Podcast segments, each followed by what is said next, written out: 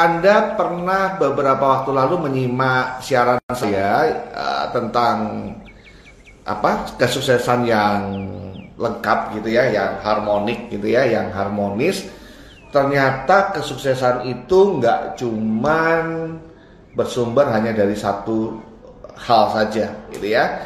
Jadi ada kesuksesan yang kita ukur berdasarkan finansial, kita ada kesuksesan yang kita ukur berdasar juga dari apa?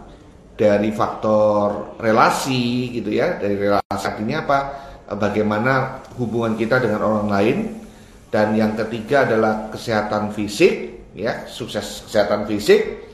Terus kemudian yang ada ada spiritual, yang keempat dan yang kelima adalah kesehatan mental kesehatan jiwa gitu ya, kesehatan pikiran. Nah, jadi kalau kita memang mau mau apa namanya mau sukses secara harmonis, tentunya kita nggak bisa hanya punya duit aja. Karena banyak loh kawan-kawan, pernah nggak kalian jumpain bahwa ternyata di luar sana itu banyak orang yang secara keuangan itu baik, ya mapan, uh, kita berpendapat bahwa mereka itu dalam kondisi keuangan yang prima, namun sayangnya mereka dalam kondisi yang very stressful sangat stres ya sang uh, Anda pernah menyimak ada banyak sekali bintang-bintang apa namanya bintang-bintang film gitu ya yang bintang-bintang film yang apa ya yang uh, mengakhiri hidupnya dengan uh, bunuh diri. Banyak ya? Terakhir itu siapa ya? Terakhir yang saya dengar itu seorang presenter presenter tentang kuliner kawan-kawan ya. Presenter tentang kuliner dan uh, Anthony Bourdain kalau nggak salah gitu ya. Mungkin anda juga pernah mendengarnya. Uh, saya pikir ya beliau sangat mapan lah ya secara kesuksesan. Beliau adalah presenter dari apa ya rubrik ah, saya lupa eh, channelnya. Tapi saya sering melihat liputan-liputan kuliner beliau gitu kan di berbagai belahan dunia.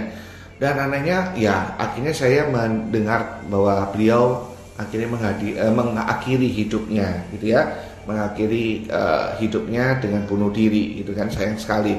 Nah karena apa? Ternyata mungkin ada masalah-masalah yang kaitannya tidak hanya dengan finansial saja, tidak hanya dengan relasi saja, ya, tetapi berkenaan dengan kesehatan mental. Robbie Williams pernah dengar? Terkenal kan? Nah, itu juga ya sayang ya mengakhiri hidupnya uh, dengan suicide. Ya dan banyak orang-orang di dunia ini juga yang mengalami hal ini gitu ya. Wow, Kak Sidik, wah suka banget apalagi belajar hal baru. Nah hari ini akan Anda akan belajar eh, hal yang baru Kak, uh, Kak Sidik, karena kita akan belajar sisi lain dari sukses, yaitu sukses secara mental, secara kesuksesan mental. Nah, Tadi saya sudah katakan tentang kesuksesan yang harmonis ya. Nah, sekarang kalau kita berkait berkaitan dengan kesehatan mental, apa sih yang biasanya membuat orang sakit secara mental? Secara uh, kebetulan uh, background saya juga adalah seorang certified counselor gitu ya. Uh, saya adalah seorang terapis juga. Jadi uh, kalau kita katakan sakit uh, sakit mental itu tidak melulu gila ya, tidak melulu orang itu gila di mana anak tidak melulu begitu, tetapi juga dikatakan stres saja. Stres itu pun sudah termasuk gangguan gangguan mental ya, gangguan uh, apa kesehatan jiwa juga. Saya akan sebutkan beberapa apa ya, beberapa kondisi ya di mana orang ini seseorang itu mengalami gangguan kesehatan mental ya. Yang pertama catat stres. Stres. Ya, orang stres itu artinya apa? Orang ini tidak mampu sudah tidak mampu secara mental tidak mampu menanggung beban. Misalnya kalau anda, uh, seseorang dikasih tugas kasih tugas terus belum selesai kasih tugas lagi kasih tugas lagi gitu ya Mungkin secara fisik dia sehat, tetapi secara mental dia aduh pusing gitu ya. Seperti itu. Itu namanya stres. Ya, stres. Jadi stres itu adalah kondisi di mana orang sudah tidak bisa menerima uh, apa ya? menerima load pikiran lagi gitu ya, menerima beban pikiran lagi. Itu yang pertama stres. ada lagi yang merasa takut tapi takutnya ini takut yang takut yang terlalu ya bukan takut takut biasa takut ditolak atau takut apa tapi ini dia takut takut yang fobia saya katakan yang berlebihan. Ya ketakutan yang berlebihan. Fobia ya fobia. Dan anehnya fobia fobia itu kadang-kadang bagi orang-orang yang normal itu remeh gitu ya. Tapi bagi orang tertentu itu sangat menyakitkan. Misalnya apa? E, fobia suara kucing. Nah aneh kan? Fobia sama karet. Karet gelang fobia. Ada ya seperti itu. Fobia sama cicak. Nah Padahal kan ya cicak mau kita deketin aja cicaknya lari gitu kan. Lah ini dia fobia sama sesuatu yang remeh-temeh. Nah ini juga adalah salah satu gangguan uh, mental juga, gitu ya. Terus uh, merasa bersalah, ya, yang berlebihan. Terus kemudian beberapa hal yang lain.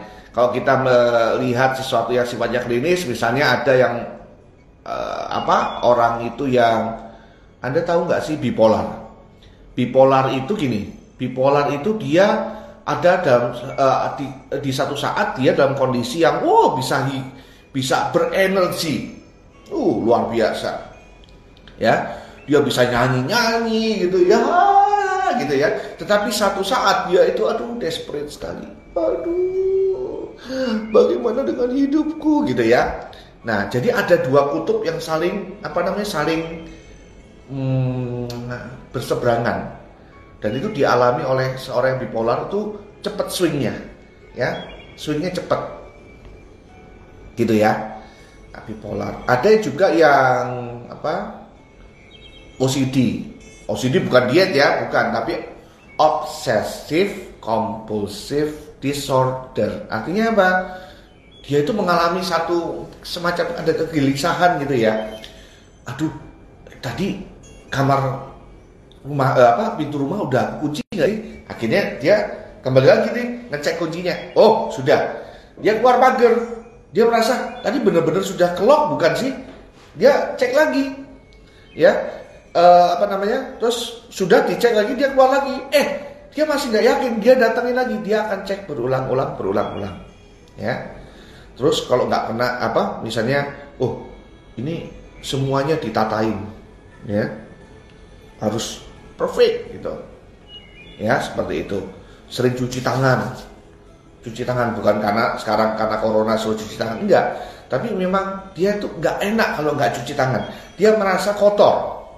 Ya. Pernah dulu ada seorang uh, klien juga yang menderita dia sering pipis. Ya aneh ya. Sering pipis sering kebelet ke belakang. Nah itu juga merupakan uh, obsesi kompulsif disorder OCD. Nah, kalau level yang lebih tinggi kita bilang misalnya schizophrenia. Oh, schizophrenia itu lebih ngeri lagi. Kita itu seakan-akan kalau orang kena schizophrenia itu kayaknya kita kayaknya saya itu bisa mendengar suara-suara yang lain atau saya bisa berhalusinasi ya melihat sesuatu yang lain gitu ya dan kadang-kadang uh, itu tampak benar-benar nyata sehingga kadang-kadang kita merasa bahwa ada orang di sebelah kita dan kita ngajak ngomong sama dia. Orang lain lihat kita lu ngomong sama siapa? Ya. Sering ya kalau orang lihat orang yang agak kurang pas gitu ya dia sering ngomong-ngomong sendiri gitu kan ngobrol sendiri gitu. Nah schizophrenia kan kawan gangguan mental bisa di apa namanya tentunya bisa dipulihkan ya. Dipulihkan e, tentunya semakin awal ketahuannya kan semakin cepat ditangani. Tapi kalau sudah kebat keliwat kata orang Jawa atau sudah uh, udah udah apa ya udah nemen gitu ya ada ya. Nemen itu apa sih? Udah parah ya pengobatannya harus lebih intensif dan mungkin harus mengandalkan obat-obatan ya tapi kalau sema, selama itu hanya stres ya, hanya merasa fobia ya, itu mungkin masih nggak apa-apa ya, masih bisa di handle dengan teknik terapi, misalnya hipnoterapi atau konseling atau ego terapi dan berbagai macam uh, jenis uh, psikoterapi yang lainnya. Nah, rekan-rekan, kalau seseorang ini punya kecenderungan misalnya stres gitu atau mungkin gini, dia merasa bersalah ya atau jangan salah grief ya. Uh, grieving itu adalah perasaan berduka. Perasaan berduka yang yang berlarut-larut. Yang itu bisa jadi masalah di masa depan ya. Orang-orang yang uh, apa dia punya masalah emosi terus kemudian dia tidak bisa resolve dia tidak bisa tangani lama kelamaan dia akan jadi frustasi ya ada orang yang apa namanya stres ya karena beban pekerjaannya yang begitu bertumpuk-tumpuk sedangkan kapasitas dirinya kurang memadai, kurang mampu. Yang terjadi adalah dia stres. Stres ini masalahnya dia berlarut-larut, ya. Seminggu, dua minggu, sebulan, gitu ya, dua bulan.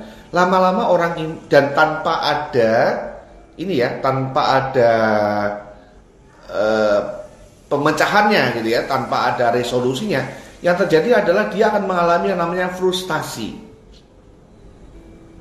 Ya jadi kalau ada satu masalah eh, ada satu perasaan negatif ini yang terus menerus muncul yang tidak bisa yang tidak dipecahkan masalahnya yang terjadi adalah dia bisa frustasi. Frustasi ini kalau dibiarkan terus menerus anda tahu kan ya orang frustasi? Wah susah lah ini sudahlah wis memang kayak gini lah wis bos kayak gini lah. Apalagi kalau yang merasa bersalah atau merasa uh, anger ya yang punya masalah kemarahan gitu kan e, merasa apa namanya merasa tidak diperlakukan tidak adil gitu kan dia marah sekali. Lama kelamaan dia akan frustasi. Frustasi ya dia seakan-akan sudah ya sudahlah aduh udah nggak tahu lagi lah.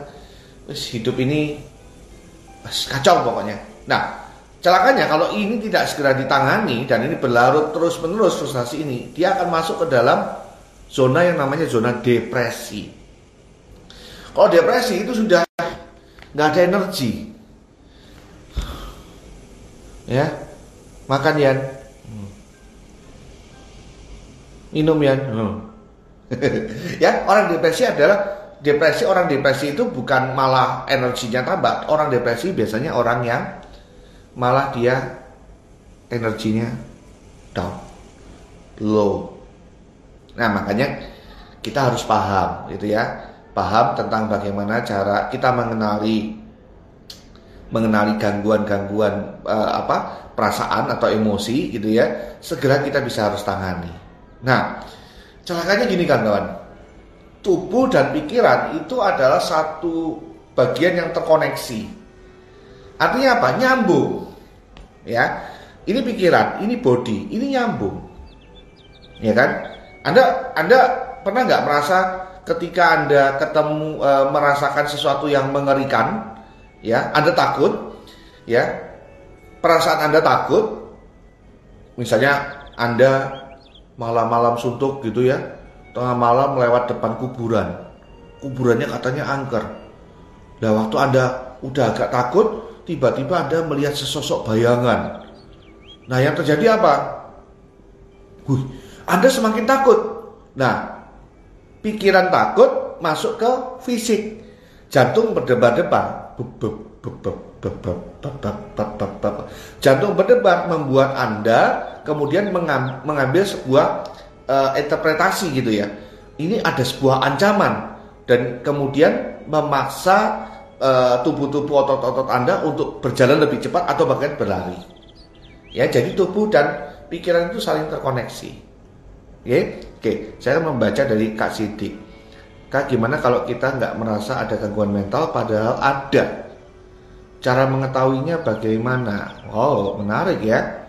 Nah, kita merasa aku nggak ada gangguan mental, tapi sebenarnya ada. Pertanyaannya adalah yang ngomong ada siapa? Biasanya orang lain toh, ya kan? Biasanya orang lain. Bener nggak Kak Sidik? Kalau orang yang nggak merasa, terus kemudian padahal itu ada, biasanya kan orang lain yang mengidentifikasi. Nah, tapi kita bisa mengetahui uh, ciri-ciri kalau kita kondisi kita uh, mental kita lagi nggak bagus. Caranya gini, ada beberapa simptom sebenarnya, ya, beberapa simptom. uh, nanti habis ini saya akan ceritakan kak simptomnya, gitu ya, kak Sidik. Ini adalah adalah apa ya? Adalah tanda-tanda bahwa anda mengalami gangguan mental, gangguan pikiran. Ada. Ya paling simpel contohnya misalnya adalah anda jadi lesu, ya. Anda jadi eh, apa namanya imunitasnya berkurang. Itu bisa jadi loh karena mental juga. Nah, uh, orang suka melamun. ya, orang suka melamun belum tentu sakit, sak, belum tentu uh, kesehatan mentalnya terganggu ya. Tapi kalau dia melamunnya terus menerus gitu ya, sampai kemudian mengganggu aktivitasnya ya tentunya ini salah satu gangguan juga. Nah, saya kan menyambung dengan pertanyaan Kak Sidik ya, thank you Kak Sidik. Gimana sih Kak saya mengetahui bahwa saya itu mengalami satu gangguan kesehatan mental ya. Nah, ada penelitian dari dokter uh, dari dokter John Kappas PhD ya, seorang peneliti yang dia mengatakan seperti ini bahwa tubuh kita itu bisa mencerminkan kondisi mental kita. Gitu Kak Sidik. Identifikasinya mana dari tubuh? Ya, karena pikiran dan tubuh itu terkoneksi. Ya ada yang namanya five body syndrome, ada lima gejala. Ya, catat ya. Satu, namanya crying syndrome. Crying menangis. Sindrom. Sindrom adalah gejala-gejala. Crying syndrome itu biasanya meng mengenai bagian tubuh di ulu hati ke atas. Dari atas dia sampai ke ulu ke ulu hati. Contohnya sakit apa? Tiba-tiba mahnya sering kambuh. Padahal makanannya makannya juga nggak terlalu telat gitu kan, cukup teratur, tapi mahnya kambuh. Asam lambungnya naik, nih ya, crying syndrome bisa jadi. Terus apa? Kayaknya nafasnya jadi pendek, ya tersenggal-senggal. Padahal dia tidak mengalami infeksi paru-paru dia tidak flu. Rasanya nyesek di dada ini. Ya. Bisa jadi itu crying syndrome. Tenggorokannya jadi sering kering dan lain sebagainya. Sariawan. Nih, sering sariawan. Ada loh kasus ya. Tem, uh, klien teman saya, dia uh, kliennya itu menderita sariawan yang parah. Udah diminumi vitamin C dan sebagainya nggak sembuh-sembuh. Tapi setelah melakukan sesi hipnoterapi, eh kok malah sembuh. Ya, karena bisa jadi sariawan pun adalah yang namanya psikosomatis. Nah, nanti saya jelaskan psikosomatis itu apa. Ya. Terus kemudian apa? Hmm, kepala pening, cenut-cenut, kepala uh, migrain, ya, seperti itu. Telinga berdengung, mata berair, ya, kesannya nangis terus atau sinus, sinusitis, ya, kepala berdenyut, vertigo. Bisa jadi itu adalah psikosomatis crying syndrome. Ya, psikosomatis itu apa sih? Psikosomatis itu adalah penyakit sakit fisik yang sebenarnya kalau diteliti itu nggak ada penyebabnya karena penyebabnya adalah kondisi pikiran. Pernah ya dokter waktu itu di serinya Spider-Man yang pertama, eh pertama apa kedua ya? Kedua kayaknya jadi si si Spider-Man ini uh, Peter Parker ini tiba-tiba kehilangan kekuatannya. Nah, Anda tahu ya si kedua setelah dia uh, putus sama MJ, ya. Itu di Spider-Man yang yang bukan yang lama deh kayaknya gitu ya. Jadi yang yang wajahnya yang lebih, lebih yang rambutnya keriting kalau nggak salah siapa itu namanya. Jadi dia kehilangan tenaga, kehilangan kekuatan supernya. Karena apa? Dia uh, apa namanya uh, konflik sama si pacarnya itu tadi ya. Ditanya ke dokter kamu pernah mengalami gini nggak? Enggak gitu. Kamu sehat-sehat aja kok ya. Nah itu masalah pikiran. Ya, itu namanya psikosomatis. Jadi yang pertama adalah crying syndrome ya. Jadi ulu hati ke atas kalau anda merasa bahwa bagian ulu hati ke atas sampai kepala ada gangguan apa pun gangguannya itu dan terus menerus gangguannya ada kemungkinan anda sedang apa ya ada pergolakan batin. Ya. Ada pertentangan batin yang seru di dalam sini. Ya. Anda jadi bimbang. Anda jadi ingin menangis. Kalau menangis biasanya kena adalah ininya, sinusnya akhirnya. Ya, dari si cairan.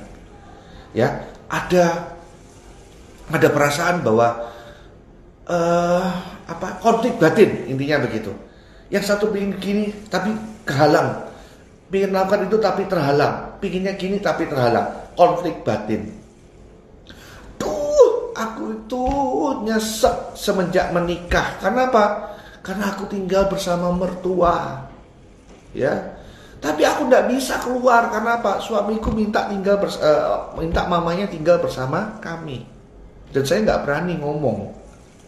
Ya, saya nggak berani menentang suami saya. Nah, konflik batin, ya seperti itu ya nah uh, banyak sekali nanti kita akan uh, bisa bisa curhat pribadi lah ya kalau anda uh, pengen konsultasi lebih lanjut anda bisa DM saya lewat Bimawar Plan atau ke Instagram saya juga boleh ya @coachianhq ya anda bisa curhat ke saya nah berikutnya apa setelah crying syndrome responsibility syndrome Pernahkah Anda merasa bahwa pundak Anda itu kaku sekali? Ya. Rasanya sakit, nyeri, padahal nggak ngapa-ngapain tapi rasanya nyeri. Bisa jadi Anda sedang merasa bahwa saya itu menerima tanggung jawab yang berat sekali. Ya. He, biasanya ini diderita pada anak pertama. Karena anak pertama itu sering diomongin sama orang tuanya gini waktu kecil. Kamu itu kakak ya, kamu itu harus membimbing adik-adikmu. Kamu itu harus menjadi contoh adik-adikmu.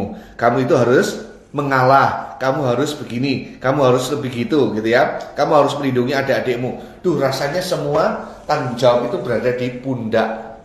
Ya, sehingga responsibility syndrome, responsibility syndrome itu pundaknya yang kena. Nah, mungkin Anda merasa itu tadi, Anda merasa stres bahwa tanggung jawab ini begitu berat. Nah, itu indikatornya, ya. Terus apa lagi? Uh, tangan, ya, tangan. Anda merasa sesuatu nggak beres pada tangan Anda, entah Anda tangan Anda sering kesemutan, dingin, berkeringat, gitu ya. Padahal fisik Anda baik-baik saja, jantung Anda baik-baik saja. Kenapa? Ada satu sindrom yang namanya fight or reach syndrome. Anda kalau fight itu kan hmm, pakai tangan ya, atau reach jadi ingin seakan-akan aku ingin melawan sesuatu tapi tidak bisa. Aku ingin melawan kondisiku sekarang tapi tidak bisa. Aku ingin melawan seseorang tapi tidak bisa. Ya, atau reach. Reach. Aku ingin menggapai sesuatu. Ya, tapi tidak bisa. Aku ingin sekali tapi tidak bisa. Tidak bisa. Tangannya yang kena. Oke? Okay? Nah, udah crying syndrome, responsibility syndrome, ya turun ke bawah. Ada yang namanya sexual frustration atau guilt syndrome. Ya, merasa bersalah. Biasanya kenaknya di mana? Di perut bagian bawah, ya, ke ke belakang. Ya, maaf, di daerah sekitar kemaluan, pinggang, perut bawah ke belakang. Itu guilt syndrome. Benar, tadi saya katakan ada seorang klien yang sering ke belakang ya, pipis belakang, ternyata benar guilt syndrome. Kenapa? Setelah dilakukan uh, terapi, uh, ditarik ke belakang, penyebabnya adalah dia melakukan hubungan badan dengan pacarnya dan dia merasa bersalah. Guilt syndrome ya maaf nih ya bapak-bapak mungkin ada bapak-bapak yang datang dia mengalami maaf hipotensi. Ya. Setelah diteliti ternyata karena apa? Ternyata dia berselingkuh dengan orang lain. Dia merasa bersalah. Ya. Nah. Ada dan pokoknya berkaitan dengan pinggang rasanya nyeri terus dan lain sebagainya. Guilt syndrome. Apakah Anda pernah merasa bersalah? Nah, itu nanti Anda coba renungkan. Dan yang terakhir adalah flight syndrome, lari, flight, lari. Ya. Artinya apa? Aku ingin berlari dari kondisi atau kenyataan yang ada, tapi aku nggak bisa. Ya, aku ingin berlari dari kondisi ini, tetapi aku nggak bisa. Kaki yang kena, sering kesemutan, dingin, ya, dan lain sebagainya. Pokoknya berkenaan dengan kaki. Kalau dicek sebenarnya masalahnya nggak ada, ya, sehat. Tapi kok rasanya kakiku kok sering kesemutan ya? Kok rasanya aku sering dingin ya kaki telapak kaki rasanya? Nah siapa tahu anda menderita flight syndrome. Itu ya? Jadi itu pengaruh terus.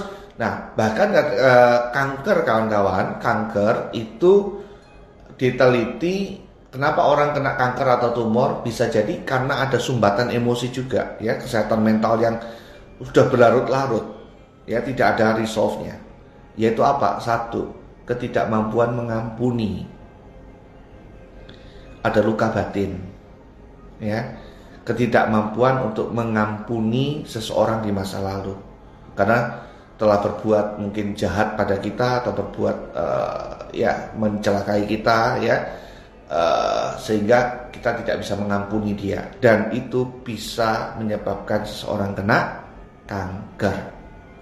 Jadi kaitannya erat sekali kawan-kawan antara kesehatan fisik dan mental.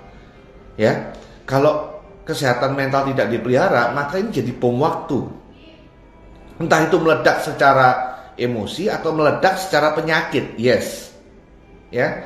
Dan Anda tahu kalau sudah kena penyakit dan penyakitnya kritis, wah itu mahal sekali biayanya. Ya mahal sekali biayanya kalau sudah kena penyakit kritis. Kenapa? Karena eh, satu, kalau udah kena penyakit kritis, yang pasti adalah eh, si si orang ini pasti tidak akan produktif, dia tidak akan bisa bekerja dengan baik, ya, atau malah dia putus penghasilan. Padahal kebutuhannya dia masih terus berjalan, apalagi kalau punya keluarga, ya. Maka eh, apa namanya? Eh, jangan sampai gitu ya, kalau bisa jaga kesehatan. Nah, namun kawan-kawan gini, kadang-kadang ya kita itu kan sudah berusaha menjaga mental kita, menjaga kesehatan kita, tapi tetap aja kena, gitu kan? Tetap aja bisa kena. Ya, jadi kenapa uh, kita juga perlu memberi uh, perlu dana darurat atau dana cadangan terhadap kondisi-kondisi kritis kesehatan kritis di yang mungkin akan terjadi di masa yang akan datang. Oke, nah akan lebih baik kalau mencegah, benar nggak?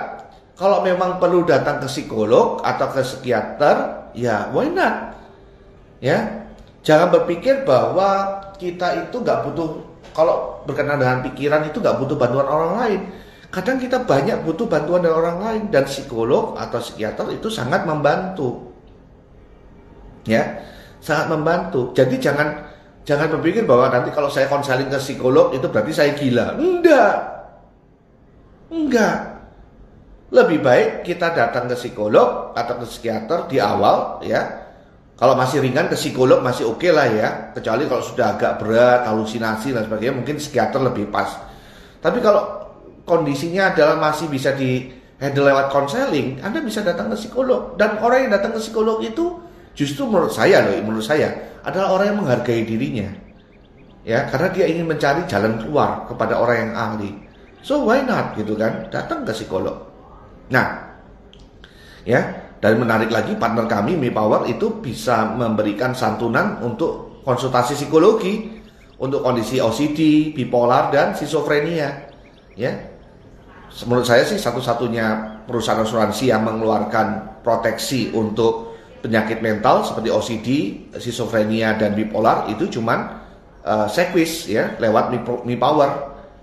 Nah, jadi anda boleh konsultasi kepada teman-teman di Mimawar tentang bagaimana proteksi ini berjalan. Karena penting sekali kan kawan. Kita merasa bahwa oh ini pikiran sem, uh, semakin lama akan semakin hilang lah. Kata siapa? Kalau uh, masalah mental itu tidak diselesaikan, tidak tidak memiliki jalan keluar yang baik. Tadi saya katakan dia bisa frustasi, dia jadi depresi kalau sudah depresi, itu udah macam-macam gitu kan. Bisa arahnya ke schizofrenia, bisa arahnya ke gangguan kesehatan fisik. Ya, karena ini sangat connect, sangat berkaitan sekali antara pikiran dan mental. Nah, kawan-kawan, so kesimpulannya, uh, kesehatan mental itu penting gak sih? Ya pastinya adalah penting. Bayangin kalau kita punya duit banyak, kita relasinya banyak, tetapi kitanya nggak bisa menikmati hidup. Well, ya susah juga kan? Sulit juga. So, pastikan bahwa kita memiliki kesehatan mental yang baik, jaga mental kita, dan kalau anda butuh seseorang yang uh, untuk anda curhat gitu ya, well, anda boleh uh, percayakan untuk bercerita kepada orang itu. Asal tadi ya benar-benar anda bisa percaya kalau bisa ya ke seorang uh, terapis yang bersertifikat atau seorang psikolog. Kawan, demikian sharing saya pada weekend ini. Semoga weekend Anda cerah dan manfaatkan weekend ini untuk Anda merilis sejenak seluruh beban mental Anda yang ada di minggu kemarin, di minggu ini. Dan semoga weekend Anda menyenangkan. Tetap sehat, sukses selalu, dan Tuhan memberkati. See you.